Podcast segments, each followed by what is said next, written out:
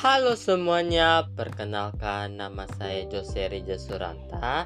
Saya dari kelompok 2. Saya berasal dari Bekasi, program studi matematika di Institut Teknologi Sumatera atau biasanya disebut ITERA. Jadi pada podcast pertamaku hari ini saya akan menceritakan tentang rencana saya yang akan datang baik itu jangka pendek, menengah, maupun jangka panjang. Jadi pertama-tama saya akan menceritakan rencana jangka pendek saya, yaitu saya ingin dapat mengikuti kegiatan perkuliahan dengan baik, baik itu akademik maupun non-akademik. Saya akan selalu mengerjakan apa yang dosen diberikan dengan baik dan tepat waktu. Saya ingin lulus TPB dengan hasil yang memuaskan.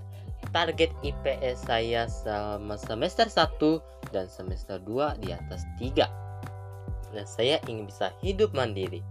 Selanjutnya, rencana jangka menengah saya yaitu saya ingin bisa menyelesaikan tugas akhir saya dengan tepat waktu dan saya ingin bisa lulus kumlot agar saya bisa membahagiakan orang tua saya karena tanpa orang tua saya saya tidak bisa apa-apa.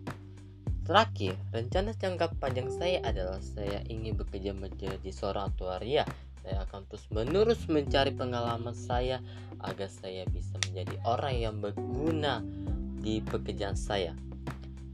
Walaupun itu mungkin rencana saya mungkin bisa berubah kapan saja. Walaupun itu, saya akan selalu berusaha untuk menjadi orang yang lebih baik. Sekian podcast saya hari ini.